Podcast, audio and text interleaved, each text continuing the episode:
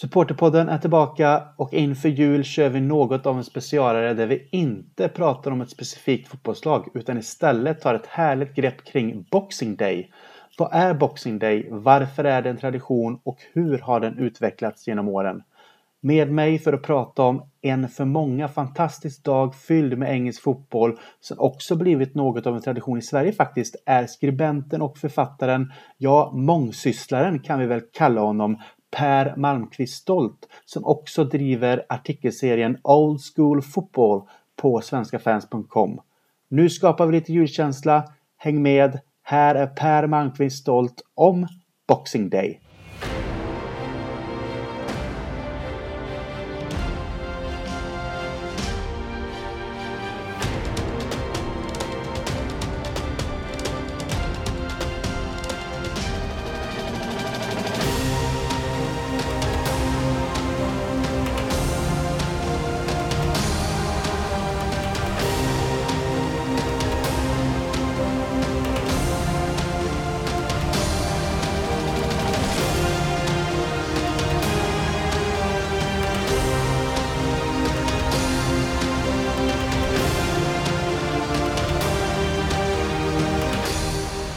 Då säger jag varmt välkommen tillbaka till Supporterpodden Per. Hur känns det att vara tillbaka?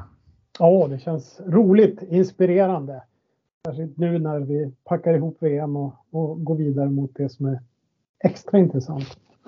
Ja, det här blir ju en liten specialare som jag nämnde introt. Eh, och senast som du var med så pratade vi om din klubb, eh, mm. Everton fotbollsklubb. Eh, men den här gången ska vi prata om något som jag tror att alla fanatiker av den engelska fotbollen högst troligen älskar, nämligen Boxing Day. Och vad känner du och vad har du för känslor inför det ämnet? Nej, men det är ganska, det är ju överhuvudtaget hela julhelgen över nyår är ju engelsk fotboll när den är som bäst egentligen får man väl säga. För att då, det är då den tar fart igen och det är då den höjer tempot när de andra ligorna stannar av. Och det är också då man är ledig. Så att det blir liksom extra eh, spännande att följa då eh, när de här matcherna kommer som är rätt täta på given. Boxing Day är väl liksom kronan på verket egentligen. Mm, det är ett uttryck som man känner igen egentligen sedan man var liten. Eh, I alla fall jag eh, när jag mm. tänker tillbaka på just engelsk fotboll och ens eget fotbollsintresse kring den engelska ligan och ens egna lag och just supporterskapet. Att Boxing Day var alltid speciellt när man börjar förstå just fotbollen lite mer kanske i den tidiga tonåren skulle jag vilja säga. Eh, mm. Och det hänger ju kvar och det är ju en tradition så jag tänker att vi kör väl igång egentligen med en gång bara och som alla antagligen redan vet så infaller ju då Boxing Day i England den 26 december, alltså vår annandag jul. Men eh, Per, varför kallas det Boxing Day? Ja, det var väl egentligen för att eh, de, eh, England och Storbritannien var ett riktigt klassamhälle på den tiden. Det var rätt stor skillnad mellan rika och fattiga. Och det var ju de rika familjerna som hade en tradition att ge presenter kan man säga till, till de som jobbade åt dem. Och de de eh, packade man ihop i olika liksom, boxes och så gav man det till dem i samband med Boxing Day. Mm, och så fick de då gå hem till sin egna familj och ha lite ledigt och ge de här mm. lådorna eller de här, göra en box-up som jag läste mig till också att någonstans kallades. Att de får öppna sina boxes eller presenter kan man väl någonstans kalla det då eh, på den tiden. Men det var väl ändå lite fint att de här rika familjerna som hela tiden var betjänade av personer runt omkring dem då gav dem ledigt och sen att de också fick presenter. Så det är ju lite trevligt att det finns en, ja, en koppling till något som fanns då som också då lever kvar idag fast det helt andra, med helt andra grejer egentligen när det kommer till fotbollen såklart. Då. Ja absolut och det har ju dessutom, det blir ju en naturlig koppling till fotbollen också för att um, man säger då juldagen, annandagen var ju väldigt mycket arbetarnas ledighet när de kunde vara med familjen, för annars jobbade de ju mest hela tiden. Eh, och det gjorde ju också att sporten fotboll som har starka rötter i, i, i den eh, arbetarklasskulturen kan, kan man säga, också spelades när de var lediga, när de hade möjlighet att eh, se fotboll. Mm. Ja men det är sant såklart. Är de lediga och det var möjligt att ta sig till mm. arenor så blev det ju ett tillfälle att som sagt komma ifrån jobbet, få lite ledigt, spendera tid med familjen och se den viktiga fotbollen som alltid är viktigast i England fortfarande också. Men ja, idag är ju då Christmas Day som alla vet också den 25 december, våran juldag, den dag då engelsmännen firar jul. En fotbollsfri dag, men så har det inte alltid varit. Eh, på tiden före att det visades fotboll på TV så brukar det spelas matcher även den 25 december och jag läste att 1957 var året då Storbritannien för sista gången arrangerade fotbollsmatcher på Christmas Day och istället blev det då spel på Boxing Day som sedan dess växt fram till en tradition. Eh, och jag kan även nämna att med de flesta andra europeiska Europeiska fotbollsligor har ett vinteruppehåll och som du även nämnde Per innan då så håller den engelska och skotska ligan igång under julperioden vilket såklart skapar en viss känsla och en, en trevlighet när man är ledig och ändå får sin fotboll såklart. Eh, tidigare var det också så att lokala rivaler spelade mot varandra den 25 och 26 december för att infrastrukturen med tåg och så vidare var svårt att få till för både spelare och supportrar och idag är det fortsatt faktiskt så att det är svårt för supportrar att resa för att se matcher på Boxing Day på grund av just med ja, tåg och tider och vad, liksom vad det nu gäller. Det är inte alltid det lättaste även om vi är inne i 2022 snart 2023 men ja, det var länge sedan egentligen som det spelades på Christmas Day eh, som jag förstår det. Eh, så att eh, Boxing Day blev det istället och då växte det ju fram på det sättet. Ja, och eh, det var ju på 50-talet som hela, om man, om man tar det från, från allra första början så var det ju som tanken att eh, det var arbetarfamiljerna som kunde tid att gå och se på fotboll som var deras sport. Och det innebar att man spelade både på Christmas Day och på Boxing Day. Så att eh, lagen hade liksom matcher inom loppet av 24 timmar, eh, två stycken. Och det var rätt vanligt. Den första boxing, eh, den första traditionen med boxing, det var faktiskt ett eh, derby. 1860, Sheffield FC vann, eller vann vet jag inte, men de spelade mot Hallam FC. Och det är liksom ett, ett derby i, i South Yorkshire. Och eh, Sheffield FC och Hallam finns faktiskt kvar än idag som klubbar men de är långt ner i seriesystemet. Och Sheffield FC tror jag dessutom är kanske en av världens äldsta klubbar, kanske den äldsta. 1857 tror jag de bildades någonstans där. Um, så att det, det, det, har rätt fina traditioner kan man säga. Och sen när, när intresset för fotboll ökade markant i slutet på 1800-talet och fler klubbar tillkom, då blev den här eh, den här traditionen allt starkare. Och då var det framförallt att de spelade över de här två dagarna. Och sen under 50-talet då blev det mer så att eh, eh, juldagen blev en dag när folk ville umgås med familjen så att man tonades ut lite grann det här med att eh, ge sig iväg och resa iväg någonstans och titta på fotbollen även om man försökte hålla det nära. Eh, så att då blev det uteslutande Boxing Day. Och jag, jag, jag, tror det var 57 då som du sa som man avskaffade. Sen har jag läst någonstans att den sista eh, Christmas Day-matchen spelades 1965 mellan Blackpool och Blackburn Rovers. Men det kanske var, jag tror att det, själva traditionen dog ut där på, på 50-talet. Men det, det, är intressant hur, hur den här typen av beteenden förändras. Och man säger ju också att det har att göra lite med att, att förutsättningarna för eh, arbetarklassfamiljer och så förbättrades över tid eftersom förut var det kanske inte så jäkla mysigt att vara hemma när man var ledig. Då ville man kanske iväg och se någonting och göra någonting. Men nu kunde man kanske vara hemma på juldagen mer. Man kanske avrundade på den lokala puben eller liknande. Men det, det var bättre förutsättningar för sådana saker. Det känns ju nästan hemskt när man tänker att man själv idag 2022 gärna eh, sticker hemifrån för att gå på puben och titta på fotbollen då. Ja, ja. så är det. Ja, det, det är ju faktiskt eh, det är en gemenskapsaktivitet fotboll på många sätt. Så att jag, jag tycker också att det är faktiskt nästan roligare att se den på puben än hemma. Fast vi då kan ha tillgång till alla möjliga olika tv-kanaler numera.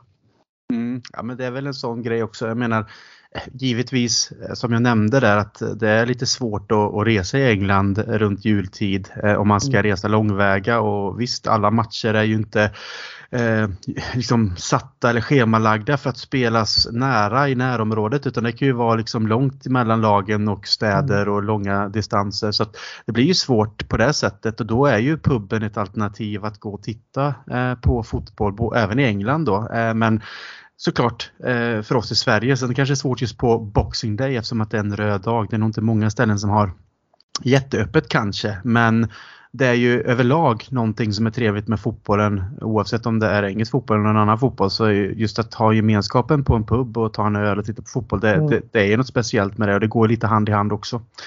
Såklart. Mm. Så att jag, jag tänkte väl också på det som du nämnde här med de här gamla lagen från 1850-talet att det, det är väldigt häftigt när man ja, du nämnde, jag tror 1857 om jag inte är helt fel nu. Ja, 1860 eh, var första matchen. Så det var, det var nära inpå.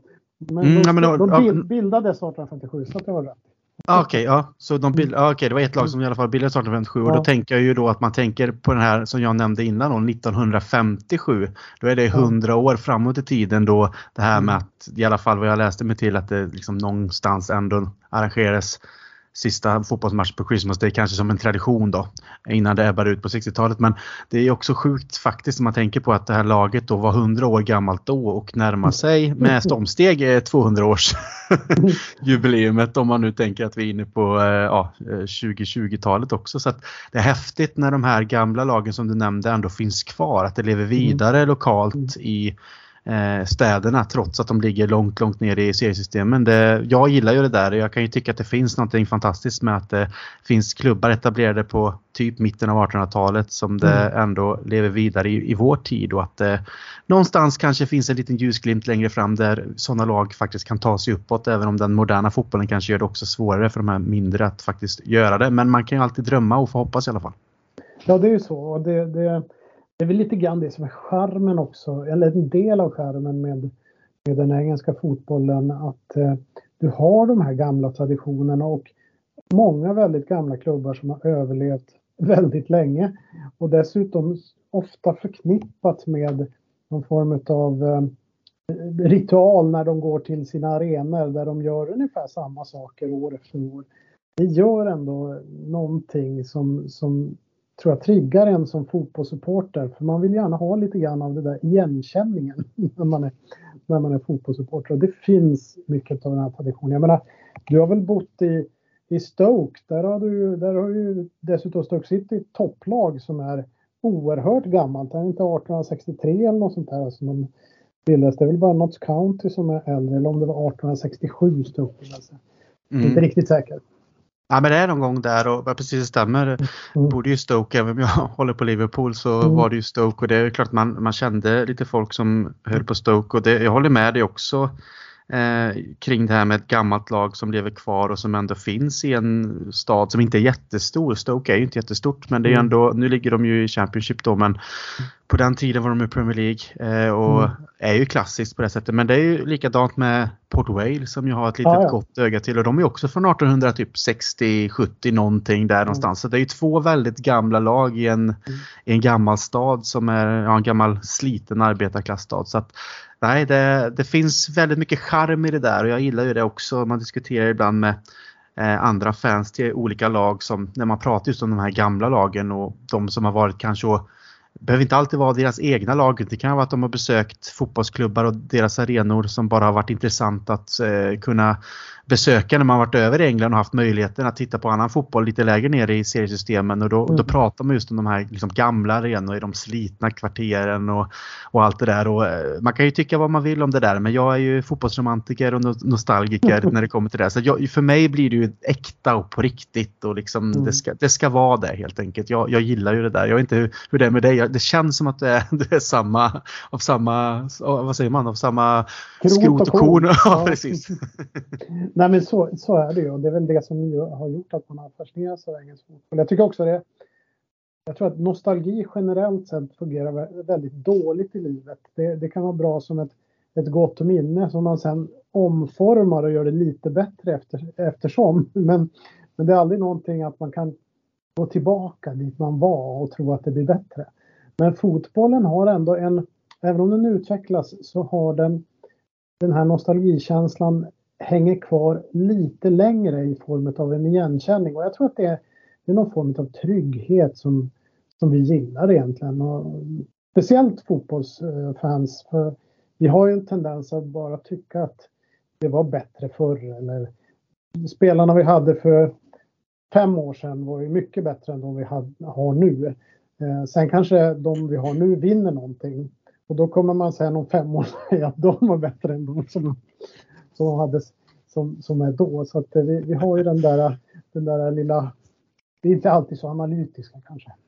Nej, och jag, jag tänker ofta på det där som du nämner det här med nostalgi och att det mm. kanske inte det bästa i livet att liksom blicka bakåt och någonstans mm. liksom se tillbaka på någonting som var och försöka hålla sig fast vid det. För det kan ju bli att man kanske stagnerar lite i sin egna mm. utveckling eller att också blicka framåt mot vad som komma skall och vad man kan liksom göra mm.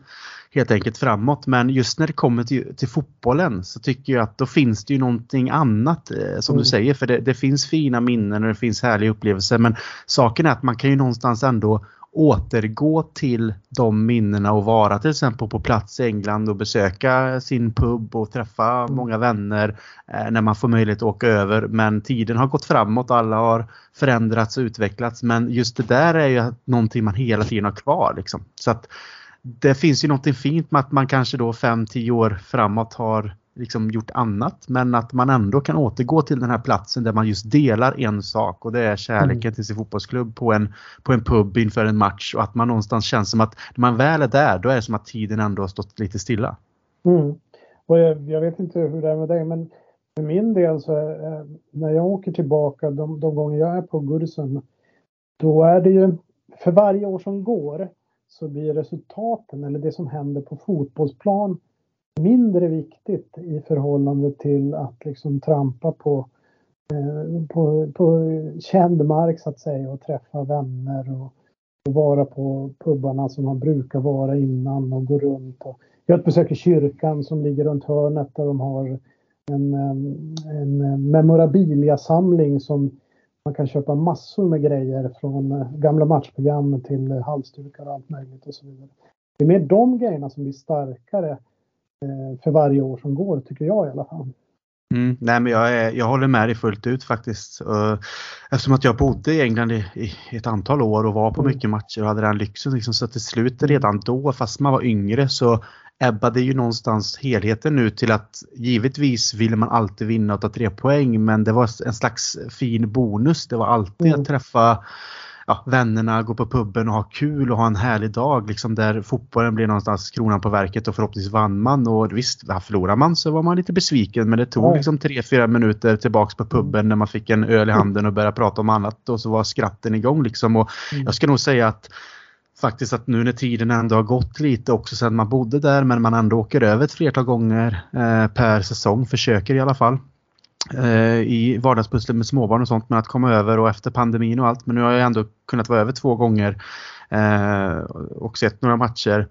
Eh, och det, jag håller med dig fullt ut just den här känslan av att ja, men det är klart att jag vill att Liverpool i mitt fall då ska vinna och att det är klart att man, det är viktigt att man eh, förhoppningsvis kan utmana och vara med i toppen och gå för titlar och allt det. Det är klart att man ska liksom omfamna när man har den perioden i, i, sin historia som klubb att man faktiskt är framgångsrika. Men för mig personligen också så är det ju nästan ännu mer viktigt att faktiskt träffa vännerna och som du säger trampa runt lite på känd mark, gå in på pubbar där man har lärt känna de som äger stället och de som jobbar bakom baren och liksom få ett gött snack, en öl och ha det väldigt, väldigt trevligt. Så att jag tror att det någonstans är fotbollsgemenskapen i det stora hela. Att det faktiskt är så att man vill ju alltid att sin klubb ska vinna men det är gemenskapen och eh, umgänget med bra och nära vänner som någonstans är det viktiga för de flesta tror jag. Mm, helt sant. Det, det, det blir viktigare och viktigare också.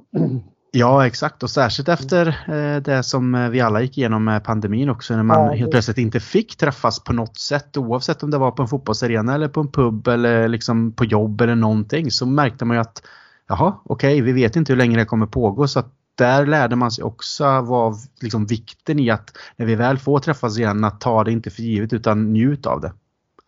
Och då blir ju de här milstolparna som, som på varje säsong som Boxing Day är i engelsk fotboll, det är en av de stora milstolparna på säsongen. De, de blir starkare på något sätt och man känner sig nästan lite mer laddad inför årets Boxing Day än, än, än tidigare. Mm. Men hur är din personliga syn på boxning? Du har ju berättat lite här såklart hur starkt mm. det är och att det är den här traditionen. Men liksom hur, hur ser det ut för dig när du antingen liksom kanske har varit över eller om du gör det hemma? Liksom hur, hur, hur använder du den dagen till att bli liksom en perfekt dag när det kommer till fotboll efter allt julfirande och all julmat? jag, har, jag har aldrig varit över uh, runt jul faktiskt, utan jag har alltid varit hemma. Det brukar ju ofta vara, nu när, när jag har familj och sådär så är vi oftast hos svärmor och svärfar och kommer hem på annandagen.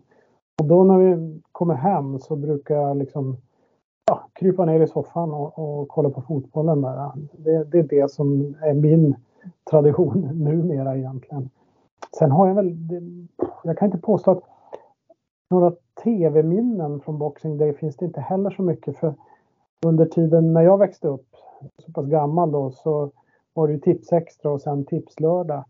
Och då var det ju faktiskt så att man gjorde uppehåll under liksom själva boxningen. Man kunde sända, det fanns matcher som jag sett typ den 23 och jag har också sett att det var någon match den 27 men man körde aldrig under själva julhelgen eh, fotbollsmatcher när, när jag växte upp. Nej, och där är ju skillnad då för mig som är eh, mm. lite yngre. Men där har det ju alltid funnits innan man, som jag sa tidigare i början där, att man hörde konceptet eller liksom uttrycket kring det. Men man mm. kanske inte riktigt förstod det innan man blev lite äldre och tog det till sig sen därefter då. Och förstod mm. ju som, precis som du nämner, att det är den här härliga traditionen där annandagen kommer och jag tänker just som du nämnde också att vi är nog många som kryper ner i soffan på annandagen mm. för att i Sverige så har ju Boxing Day faktiskt också eh, utvecklats till en slags tradition, i alla fall för oss som då älskar den engelska fotbollen. Och på juldagen så samlas ju många eh, tillsammans med familj och vänner och äter julmat igen. Eh, många är ju hemvändare med. Man åker mm. tillbaks till sina hemorter där man växte upp för att det är där familjen är. Och sen så är det ofta festligheter på kvällen också den 25 och då blir ju det per automatik annandagen sen som gärna spenderas i soffan när man är lite sliten och då kanske det blir mer julmat, lite rester eller så blir det en härlig julpizza eller vad man ska kalla det. Så att den typen av tradition har det ju blivit också för oss som i alla fall älskar engelsk fotboll. Mm, ja men det är sant. När jag pluggade så reste jag hem till min hemstad Boden uppe i norr. Och då var det alltid juldagen som var hemvändardagen. Så att, ja, det var väl lite bakisstämning helt enkelt.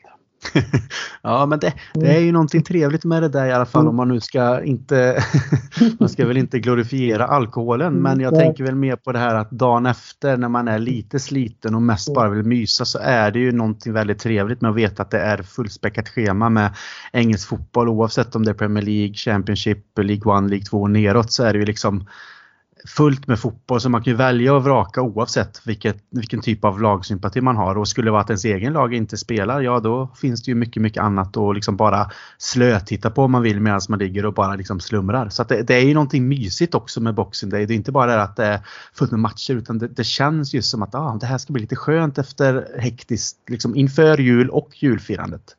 Precis, sen tycker jag att det finns det här är en personlig koppling, men det är någonting också med kylan vi har som passar så väl ihop med det här mysandet. För att det, det, det var här, nu bor i Stockholmsområdet numera och där kanske inte alltid är så kallt, men det är ändå liksom kallare än normalt eller mörkare och så vidare. Men mina barndomsminnen var ju att Boxing Day sändes inte, men man följde ju resultaten i tidningarna och på text-tv och allt sånt där laddade väldigt mycket inför de här första matcherna i januari som alltid var en fa Cup-omgång.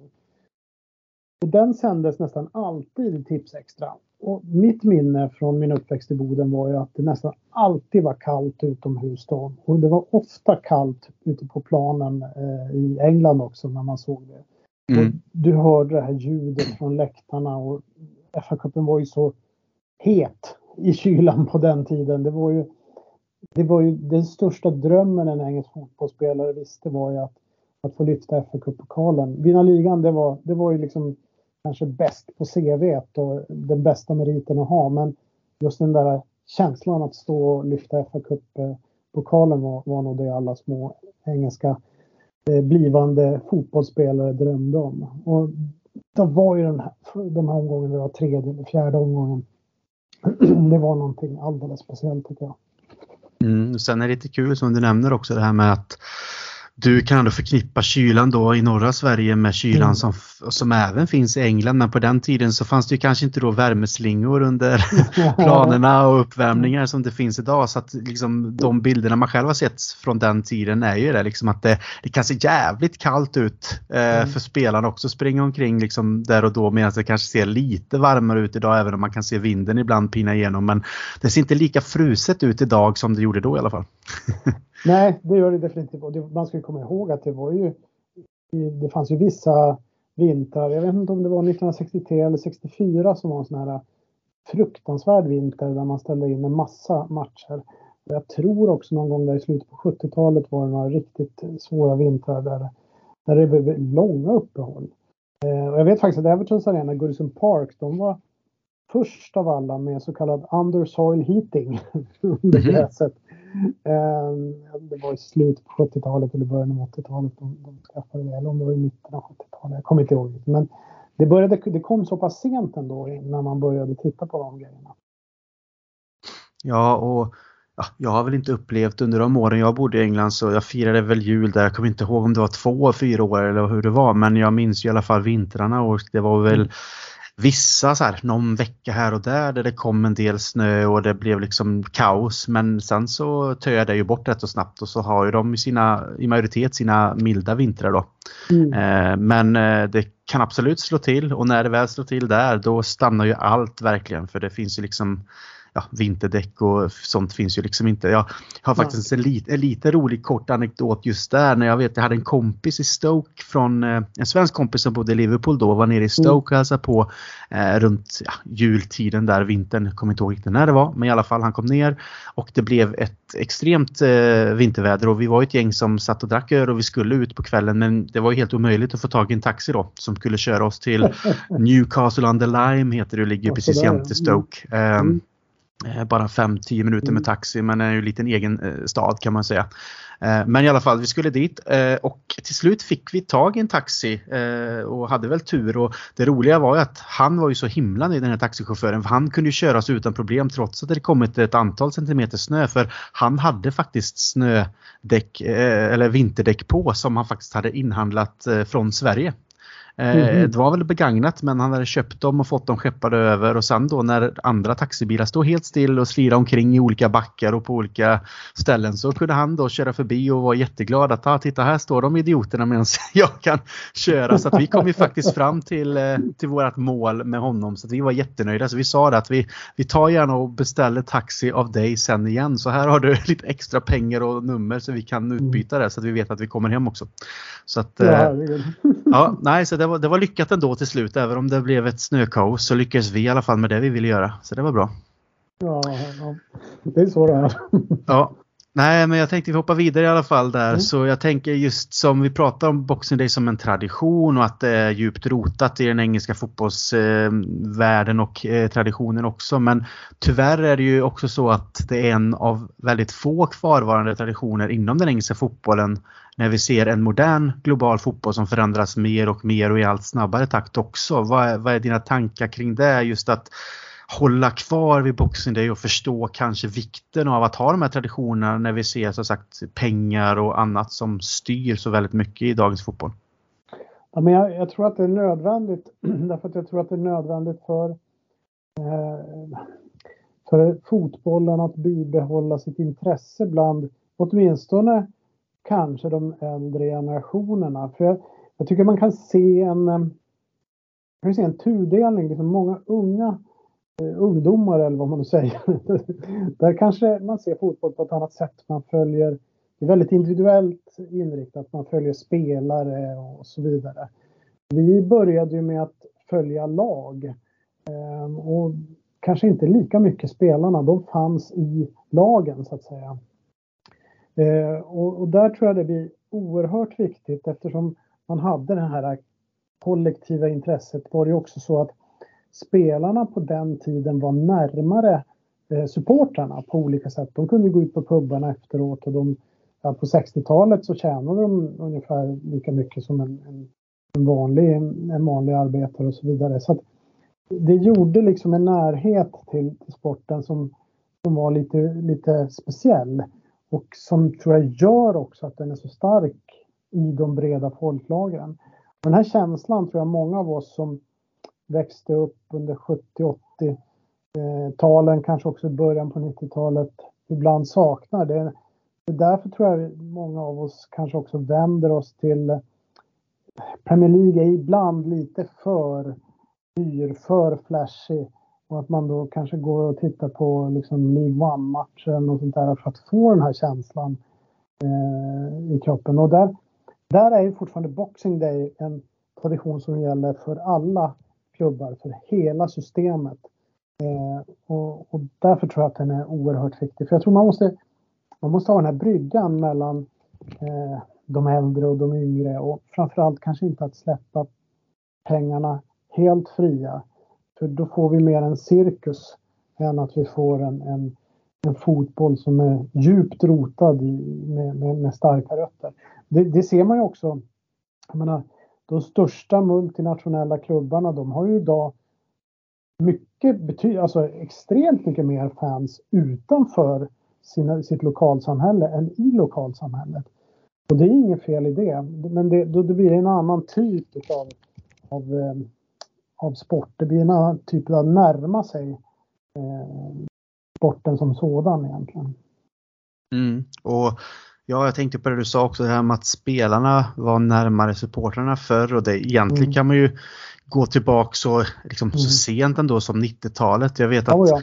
jag har träffat på Garnysén i några olika sammanhang och tagit någon öl med honom då, i vart Liverpool-sammanhang såklart. Eh, och han har ju ändå pratat just om det där att även när han var i Liverpool på slutet av 80-talet och början av 90-talet så var det ju ofta puben med spelarna. Eh, liksom både efter träningar och matcher men också då på ett helt annat öppet sätt som gjorde att mm. supportrar var ju mer nära och hade mer tillgång till spelarna mm. även om man såklart respekterar dem kanske också inte bara var framme så men det var ju liksom de, de beblandade ju sig med vad ska man kalla oss, eh, oss vanliga människor ja, på den tiden och det hade ju sin typ av charm också. Idag är det ju väldigt avstängt. Alltså det går ju knappt komma nära in på någon på något sätt eller på något sätt få liksom komma i kontakt med någon vilket den moderna fotbollen såklart eh, har utvecklats till också. Jag säger inte att jag personligen ser något intresse i att man ska det men det är också lite tråkigt för det blir ju en distansering ibland och även om man pratar om det här att det är så viktigt med att laget och supporterna har ett starkt band och det byggs upp och jag har mm. själv pratat just om det här med hur, hur Klopp alla fall i Liverpool skapade det här bandet med, mellan supporterna och, och, och, och, spelarna i alla fall förstärkte det så pass mycket så att det faktiskt bar framgång mm. till klubben i, så att man gjorde det tillsammans då. Och det är klart att det är jätte, jätteviktigt men det är också svårare idag när du inte kan ta på spelarna på samma sätt om du förstår vad jag menar. Nej, nej men och det, det, är, och det, det är också dessutom så att då kanske man eh, om, om det blir för dyrt och för kostsamt att gå på, på matcherna, då, då blir det också en, en distans som skapas gentemot fansen. Så jag hoppas väldigt mycket på att man ska liksom kunna bygga ut, för de flesta, många arenor måste ju antingen renoveras eller byggas nya därför att de, de är så pass gamla och man ska liksom kunna få någon utveckling. Men då hoppas jag faktiskt att, det vore, att man kan utveckla sånt som safe standing, alltså ståplats som man har i Tyskland och liknande. För att på något sätt ändå återkoppla lite grann till, till det här gamla och kanske få in fler personer eh, på fotbollsarenorna än de som är nu. Men om vi, vi klagade på 70 80-talet så var det ju väldigt svårt för eh, ja, de, som, de som inte var Eh, vita, unga, arga män att, att vara på plats inne på arenorna. Eh, alltså barn och, och kvinnor och sådär, de höll sig därifrån. Eh, därför att det var så bråkigt eh, många, många stunder. Eh, förutom vissa stora matcher och sådär som kom. Men, men ändå, det var den utvecklingen. Sen har vi fått med familjerna igen. Nu är det ju liksom att det är hela familjer som går och man gör det till en, en familjeaktivitet. Och det är ju jättebra. Men eh, till det så tror jag man skulle behöva göra så att man får in alltså, fler personer och gärna blandning av liksom, lokala, de som bor lokalt. Du, du och jag, vi, vi, har väl åkt taxi i Liverpool och så får man, de, de berättar, många taxichaufförer berättar, ja men jag var, hade, jag hade årskort för typ tio år sedan men jag har inte en chans att ha råd med det årskortet längre och sådana saker, sådana historier. Man skulle vilja få tillbaka dem lite grann också. In mm. i den här, eh, i den här stora fotbollsfamiljen. För de håller vi på att tappa lite grann. Mm. Det är det som ja, är, är de jag är, jag är inne på din bana där mm. också. Så att det finns ju så sagt, förr som du pratade om att det var just mm. bråkigt och att eh, kvinnor, barn och andra mm. höll sig borta för mm. att det var uh, hotfull stämning och inte mm. säkert kanske. Och sen nu idag då när det mm. såklart är tillgängligt på ett annat sätt för för de flesta så är det ju också tyvärr så att det har blivit fotbollen, i alla fall i Premier League, eh, en typ av klassfråga också. Mm. eftersom att det har blivit så dyrt att gå. Så att mm. även om det är säkrare och att det är mer övervakat och kanske en, en, en, en sport nu, fotbollen i England, som går att liksom ge till hela familjen oavsett då Eh, så är det också kanske svårare att kunna gå med hela familjen på grund av att det kostar så himla mycket. Om du är fyra stycken som ska gå, ja då är det ju i alla fall, säg en, alltså ska du gå i Premier League-match och den billigaste biljetten kanske ligger någonstans på liksom 38 till 42 pund eller något sånt där eh, mm. eh, på arenorna.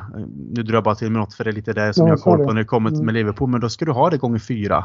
Och ja det är väldigt mycket pengar om du ska gå ofta så du kanske bara kan gå ett fåtal gånger trots att du gärna vill gå. Sen kanske du går såklart själv med ett av barnen som har större intresse eller om du går med kompisar och så vidare oavsett. Men det är just den här känslan som du säger att man vill gärna få in fler kanske lokalt och man vill kunna ge fotbollen till fler människor men tyvärr har ju liksom ekonomin och fotbollen gjort att det har blivit svårare också för den vanliga arbetaren att liksom kunna faktiskt finansiera sin fotboll och det är ju också tråkigt trots att man förstår varför det är så så tar man ju också bort möjligheterna för folket att faktiskt bara kunna gå på sin lokala fotboll vilket jag tycker är tråkigt.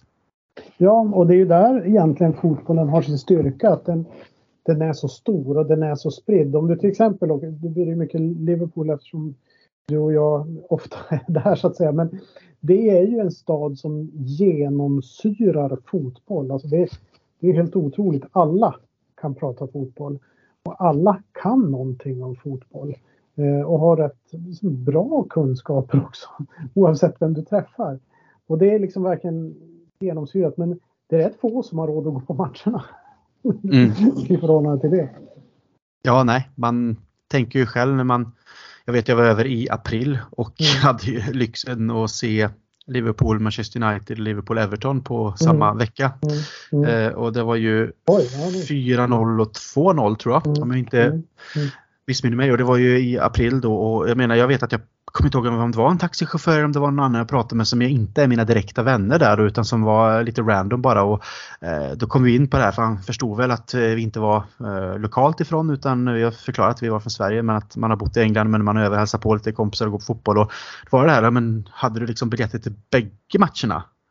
Eh, ja, exakt. Det blir nästan skäms att säga att man har det liksom både till United och Everton som är de två mm. största matcherna mm. för en Liverpool-supporter att gå på egentligen då när det är mm. eh, liksom största rivalen när det kommer till mm. titlar och, och eh, stadsrivalen som ligger liksom eh, än så länge bara ett par hundra meter liksom från Anfield och över Stanley Park där och Goodison. Så att då var det nästan att man skämdes att säga det för då känns det ju återigen att man är den där fotbollsturisten som kommer över och även om man eh, inbringar pengar till klubben och staden med allt vad man gör såklart så, så är man, tar man ju någon biljett från någon lokal också kanske och det känns liksom ibland som att man, man, vill, inte, man vill inte skylta med det trots att man är jätte, mm. har ett jätte, liksom, det är ett lyxproblem. Alltså så mm. på det sättet att man tittar på det på det sättet och känner att ah, fan, det känns nästan lite dumt att man har den möjligheten. Eh, så jag mm. minns det väldigt väl också, precis som du säger, att mm. alla lokalt har ju verkligen inte råd att gå på mm. alla matcher. Det kostar Nej. sin beskärda del liksom om man nu inte har en jättehög inkomst och man har, dessutom har familj och grejer. Då, det är mycket pengar som läggs på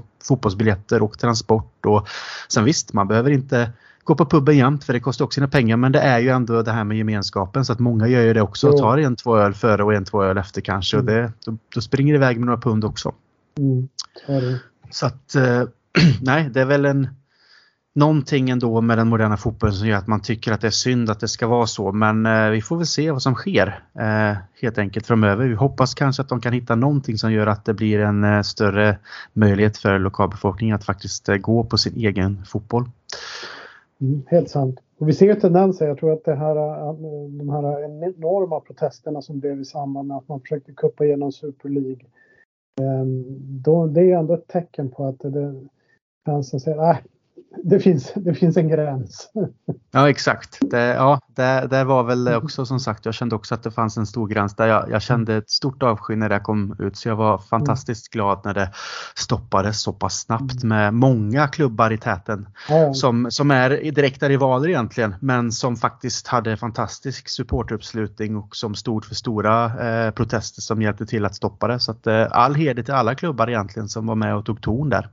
Mm. Eh, såklart. Eh, ja, vi hoppar vidare mm. kring ämnet Boxing Day. Det är alltid kul att sväva iväg lite men vi ska försöka hålla oss eh, till det fortsatt. Och jag tänkte, jag har stolpat ner fem minnesvärda Boxing Day-matcher i närtid som jag har suttit och googlat fram under dagen. Vilket mm. var trevligt. Man kan ju inte alltid komma ihåg alla matcher, det är helt omöjligt.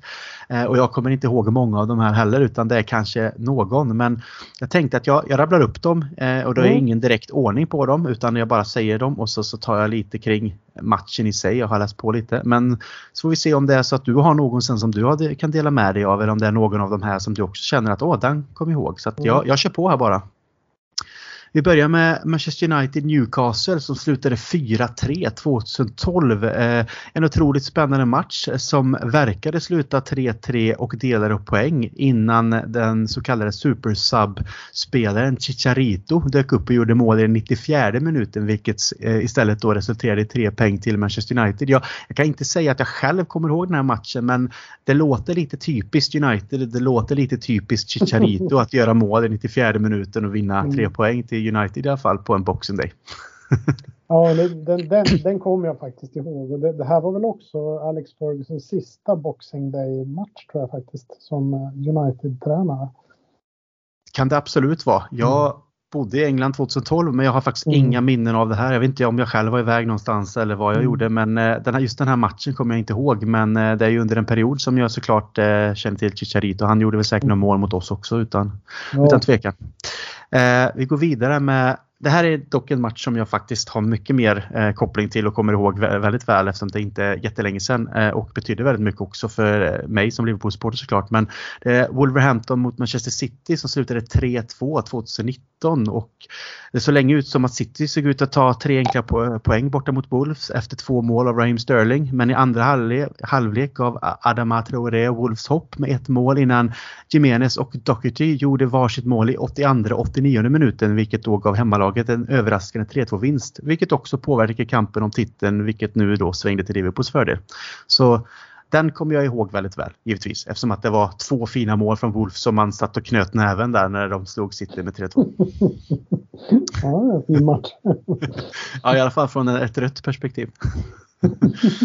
um, Sen har vi Chelsea-Aston Villa 4-4 från 2007. Det är lite längre tillbaka men mm. en otrolig match där målen avlöstes om vartannat från Chelsea och Aston Villa.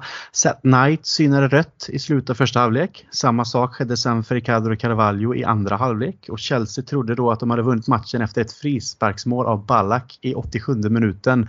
Men efter Akbon Lahores nick blockerat av Ashley Coles hand fick Aston Villa straff vilket en viss Gareth Barry då säkert satte i nätmaskerna 4-4 och delade på poäng. Är det någon match du kommer ihåg? Eh, den har jag faktiskt en del minnen av. Eh, det, det, har jag. Det har jag. Ja, det, det, är de här matcherna också man tänker tillbaks på lite så ja. just Boxing Day när det liksom det är det här eh, goals galore liksom när det är många ja. mål och det är utvisningar och det är dramatik liksom. Det gör ju att det någonstans etsar sig fast kanske i minnet. Vi hoppar vidare till 2002 Det är Middlesbrough mot Manchester United 3-1 faktiskt. Eh, Manchester United jagade tabellettan Arsenal när de åkte till Middlesbrough för en så kallad måste-match. Men fick en chock då Allen Boxic och Szilard Nemeth gav hemmalaget ledning med 2-0. Ryan Giggs fixade 2-1 och Man United jagade på för kvittering men blev straffad av en kontring där, eh, ska vi se, vad heter han? Joseph Desiree Job, säger man så? Det, det, jag vet inte om man uttalar hans namn faktiskt. Ja.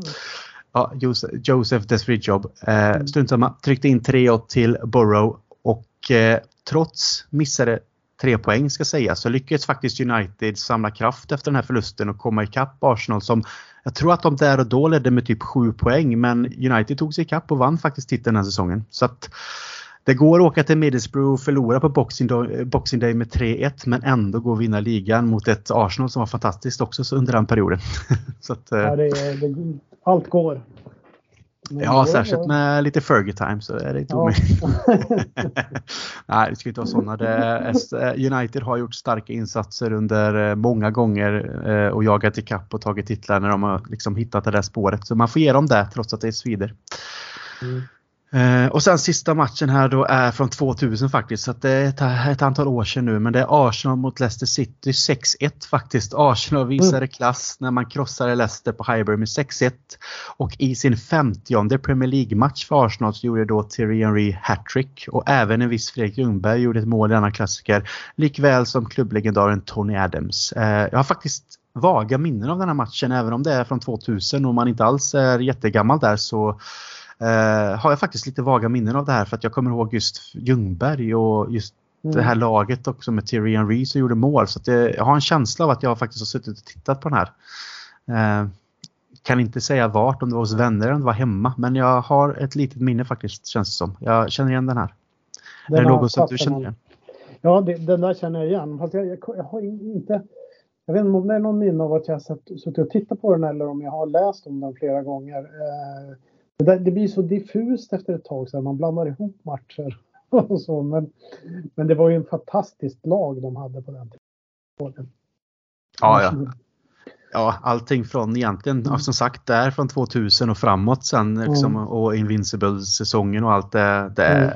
nej, det var otroligt lag, det går inte att säga någonting om. Likväl som de olika Manchester United-upplagorna också. Det, ja, oh ja. det, är, det är ju som det är så, såklart som Liverpool-supporter och Manchester United men eh, man får ändå ge dem respekt för vad de har gjort. Det går inte att säga något annat. Man får vara stor i det sättet att se på det trots att det kan vara en del banter på Twitter och annat typ av hat inom citationstecken ska jag väl säga. För hat är annars ett starkt ord men jag tror att de flesta mm. förstår vad jag menar. Så man kan låta på ett sätt på Twitter men jag, jag är inte sån som person ska ändå någonstans försöka ja, precis, säga och försvara med mig. Jag, jag är ändå rätt så okej okay när det kommer till det. Sen så är det svårt att kanske hålla sig ifrån på Twitter och vara på ett visst sätt när det kommer till just fotboll. Ibland så sprids väl känslorna kanske med en del ja, jag vet inte, lite taggarna utåt energi på Twitter kanske men eh, ja, det, det är kul också tycker jag.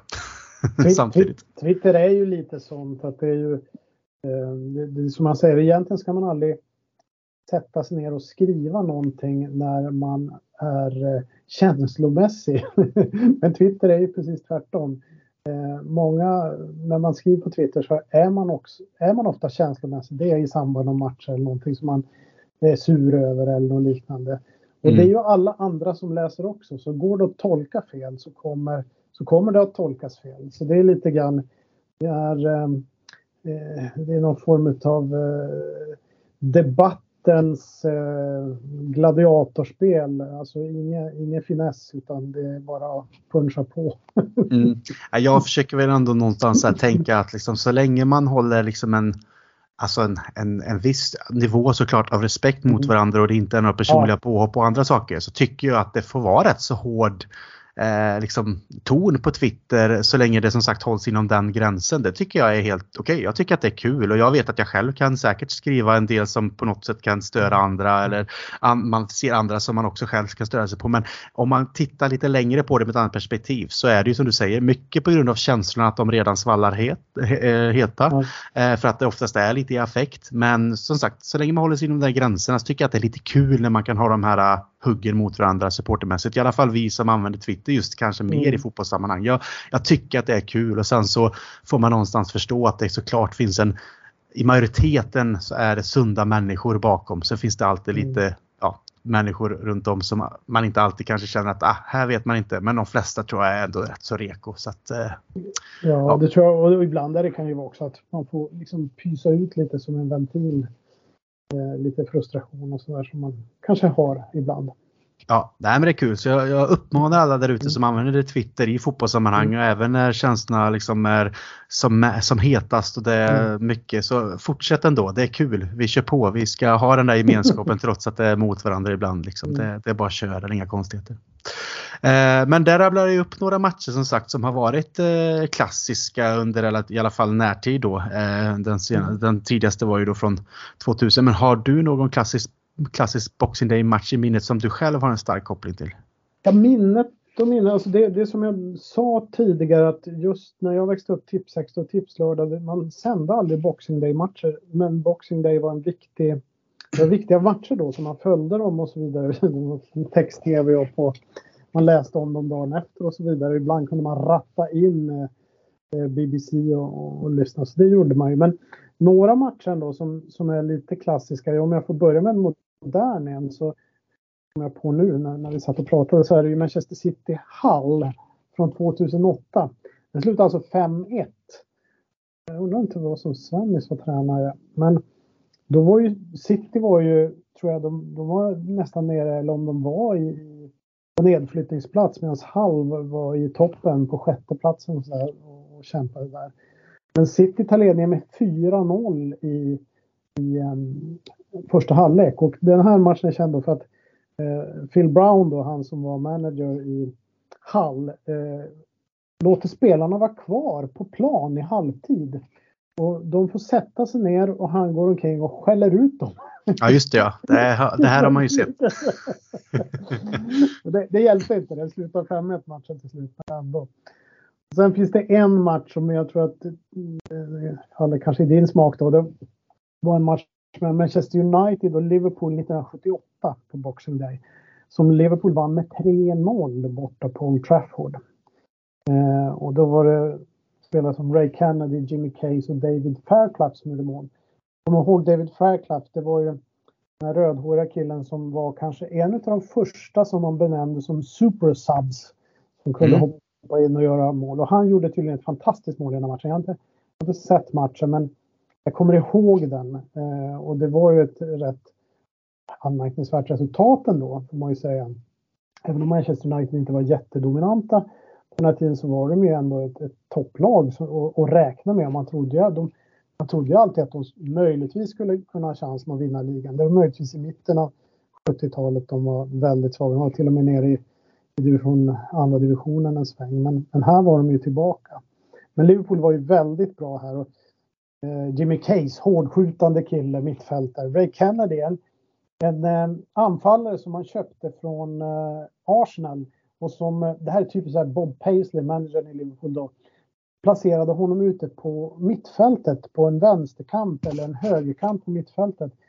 Paisley spelade ju nästan aldrig på yttrar om, om tänker det. Han hade oftast spelare som lika gärna kunde vara inne mittfältare i sin 4-4-2 uppställning. Och Ray Kennedy var en typ som, även Jimmy Case kunde spela ute på, på kanterna men även där i mitten. Men det var en, det är en sån här klass. 78 också ett sånt här Eh, en, en emblematiskt år när det gäller Tipsextra. Jag tror aldrig Tipsextra har varit som störst i då. Det var ju 78 som den här fantastiska matchen mellan West Bromwich och eh, Manchester United hemma mot West Bromwich som West Bromwich vann med 5-3. Eh, det var den här säsongen också som har gått till historien som den bästa Tipsextra-matchen genom alla tider. Och som, eh, som i min generation, många än idag, det är det som gjorde att de började titta på Tipsextra. Och samma sak eh, var också 78. Eh, Wolverhampton Wanderers fick ju jättemånga fans och en spelare som heter Kenny Hibbett som kanske inte var någon jättespelare eh, i sig men han, han blev väldigt stor i Sverige och det var för att han, han gjorde en fantastisk match mot faktiskt Everton eh, 1978 där eh, Wolves vann med 3-1 i en match där det var liksom det var först snö och sen blev det lera och så dök den här mannen i mustasch upp lite överallt och var, var en gigant. Eh, och det var också en sån, jag tror Evertons Bob Latchford, han som gjorde alla målen och som blev en vann med 6-0 mot Coventry. Det var flera matcher som, som var såna här matcher som folk kommer ihåg. Och West Bromwich Albion med Laurie Cunningham, Cyril Regis och alla de här spelarna som sen eh, Eh, hängde med liksom i, i, i vår generation och som vi refererar till. Och Liverpool var ju väldigt bra. Och de vann väl ligan 78-79 också tror jag. Men det var ju det året som West Bromwich var så bra och spelade så underhållande fotboll. Men jag tror de slutade eh, trea till slut. Eller något sådär. Så det är en, en sån match som, är, som, som man kan lyfta fram. Men sen har vi en hel omgång om jag får göra det. Ja, ja, kör på såklart, givetvis. det, här är, jag sitter bara och njuter. ja, det här är alltså, när man liksom, om, du googlar runt eh, under lite grann om, om Boxing Day så är det Boxing Day 1963 som är den stora dagen eh, som liksom har etsat sig fast i mångas minnen som den bästa, kanske den bästa fotbollsomgången någonsin i England kan vara. Jag vet inte. Men det, det, var tio matcher som spelades då och det gjorde hela 66 mål på de matcherna. Det var, och på den tiden gjordes det kanske inte alltid supermycket mål i matcherna men om jag, drar, jag kan dra resultaten för er. Blackpool Chelsea 1-5. Burnley Manchester United 6-1. Fulham Ipswich 10-1. Då var ändå Ipswich mästare bara ett par år innan. Eh, Leicester Everton 2-0. Liverpool Stoke 6-1. Derby i ditt fall. Nottingham Forest eh, Sheffield United 3-3. Sheffield Wednesday Bolton 3-0. West Bromwich Albion Tottenham 4-4. West Ham Blackburn 2-8 och Wolves Aston Villa 3-3. Alltså en helt makalös omgång och den här har gått till historien. Och lite tror jag av, av festkänslan kring Boxing Day kanske fortfarande går tillbaka lite grann till den här omgången. Mm, det är en jävla massa mål faktiskt. Det är väl kanske synd att man någonstans så tänker att visst, det var härligt som sagt, vi pratade om nostalgi och gamla mm. tider. Att det var liksom 1963 sa du va? Ja. Eh, men lite synd att det inte var liksom så här möjligt då för folk att sappa och bara åh, jag vill se den här matchen, jag vill se den här matchen för här bara smäller det. Nej, nu smäller det här. Nu vill jag se den här matchen. För det hade man inte möjlighet. Idag hade man ju inte vetat själv, även om man hade suttit med sitt eget lag och tittat. Hade man sett att det började dundra iväg mål, liksom 4-5-0 till något lag så hade man ju faktiskt gått över och kanske tittat lite. Det, det tror jag nog att de flesta kanske ändå tittat någorlunda i alla fall på det. Ja, för det här var ju precis innan tvn började komma in också så det, det, var ju på plats att uppleva. Eh, ibland så fanns det väl lite sådana här journalfilmsklipp och så vidare men, men eh, det mm. var, var på plats som gällde. Ja, och sen lät det som att 1978 också var ett år som var väldigt viktigt. Ja. Eh, sett till både resultat och hur eh, det växte fram sen i Sverige ett intresse kring engelsk fotboll också då. Enligt ja. eh, det du sa så hade det kanske en stor påverkan där och du nämnde både eh, David Fairclough och GB Case. Faktiskt eh, GB Case har jag delat en öl med på en pub i Liverpool vid ett tillfälle. Jag hade ingen aning om att det var han då men det var en, en kompis som presenterade, presenterade mig för honom och bara liksom ja, det är Jimmy Kay som sitter där borta, Liverpool-legenden. Och jag bara, ja just det, det känner jag igen även om jag inte har riktigt koll. Och sen så hade vi lite snack, tog en öl och sen David Fairclough har ju varit över här i Karlstad faktiskt, där jag bor nu på en supporterträff för ungefär ett år sedan faktiskt. Jag tror det var i november och jag tror vi spöade Arsenal eh, den matchen. Mm. Då var han över här och berättade lite om sin karriär. Just det som du berättade också med Supersub, att han kanske var den första som benämndes på det sättet för han hade en otrolig tendens till att komma in. Han var ju inte starter för Liverpool så ofta men han kom in och gjorde otroligt viktiga mål för Liverpool som bidrog såklart till eh, framgång och titlar. Så att eh, han, eh, han är en, eh, också en legend i, i sitt slag trots att han kanske inte var den här superstjärnan som spelar alla matcher från start. Nej, men det, det, det var en häftig... Alltså de hade ju ett, ett, en lagmaskin på den tiden som hette duga. Så det, och det ska bli intressant att se också om eh, när eh, dagens fotbollsspelare eh, hamnar i samma situation som den tiden så att de är så pass gamla så att de tycker det är kul att träffa oss fans och prata om sina eh, om sin egen historia och, och, det som hände runt klubben när de var aktiva och så vidare. Men se om de, om de någonsin kommer att göra det eller om de har så mycket pengar så de Mm. De kommer inte bry sig om det. Ja, men det, det är väl både kanske det här med den moderna fotbollen och med sociala medier och sånt att, att dagens fotbollsspelare kommer ju vara antagligen så mycket superstjärnor fortsatt. Mm. Ja. Så det kan nog vara svårt för dem att liksom vistas i offentligheten liksom bland oss supportrar egentligen. Om man tittar på, jag menar likväl som man tycker det är jättetrevligt att träffa till exempel David Fairclough eller Glenn Hysén för den delen mm. eller liksom Jimmy Case eller vad man nu ska ta från den här, i alla fall i mitt fall då, gamla Liverpool-gardet så, så blir man inte starstruck på det sättet. Det är samma sak med, jag har träffat Bruce Grubbelar några gånger liksom och Alltså det är trevligt och man tar en öl och man hör historierna och man säger tack liksom och kul och allt det där. Men man är inte starstruck för att man kommer kanske, jag är ju lite för ung kanske för den generationen av lag. Men såklart hade man sprungit på liksom någon av de här stora spelarna som är idag om liksom 10, 15, 20 år. eh, trots att man själv hade varit äldre än dem såklart, eh, så hade man nog känt på ett helt annat sätt för att de har ju en helt annan betydelse för en men också med spridningen idag på sociala medier och, och möjligheten att vara så offentlig och så, så tror jag mm. att det mm. också hade varit jäkligt svårt för de som är idag att kunna göra det längre fram. Eller det är bara en känsla jag har. Vem mm. vet, vi får se. Men tyvärr kan jag väl säga. Mm. Ja, det, det, är lite synd. Det, eh, eftersom jag är då äldre. Så jag har ju mina idoler där runt 80-talet egentligen. Och jag har ju faktiskt eh, lyckats träffa många av dem just eftersom de är villiga att komma och, och hålla små föredrag. Eh, After a speech som man kallar det i England. Det är en rätt stor grej där. När mm. vi i Swedish Toffees har varit över och så där så har många, många dykt upp och berättat historier från förr och så har man fått snacka med dem lite grann. Det, för mig har det varit oerhört spännande faktiskt. Det, jag menar Kevin Ratcliffe som var lagkapten på den tiden och Kevin Sheedy som hade en fantastisk vänsterfot då blev jag starstruck när jag träffade dem. Det, måste jag, det ska jag erkänna. Mm. Ja, men det kan jag absolut mm. förstå. Och det är trevligt att de ändå gör det så att säga. Mm. Vi får väl se ja. sagt framöver hur det ser ut med, med dagens. Om det blir någonting framöver att de gör så eller inte. Men mm. det är väl för en annan tid. Men jag tänkte just på det här med en Boxing Day att minnas. Jag personligen minns såklart Manchester City-Liverpool 2013. Liverpool mm. fightades ju med City Eh, hela vägen egentligen för mm. titeln. Mm. och jag var faktiskt på en, jag bodde i Gibraltar då, hade faktiskt flyttat ifrån mm. England men jag var tillbaka på en eh, så kallad 10 dagars resa i England med, med en kompis över jul. Jag var väl där precis innan jul och sen hela vägen in fram till precis innan nyår var det väl då så det blev väl 10 mm. dagar ungefär.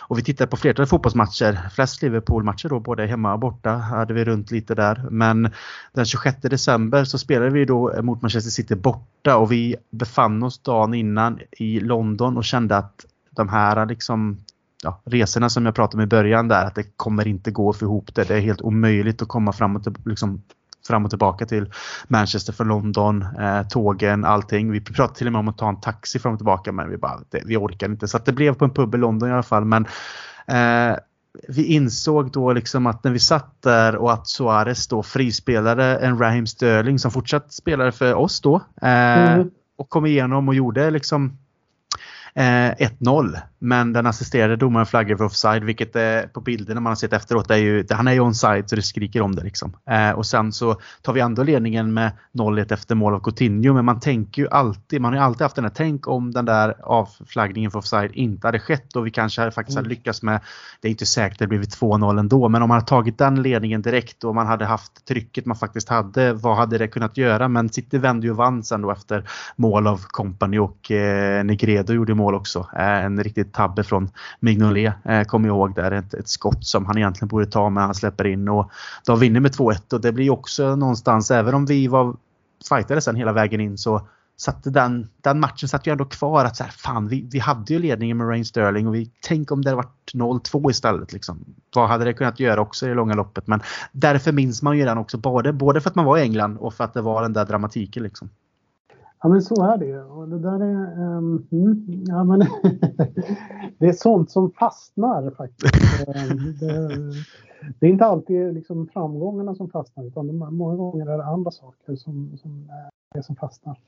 Mm, absolut. Vi ska börja runda av här men jag mm. tänkte fråga dig i alla fall ändå. Hur ska du fira julen själv? Och du berättade innan att det antagligen blir Boxing Day i soffan men eh, vad blir det för julfirande? Blir det hos svärföräldrarna som vanligt eller är det några andra planer?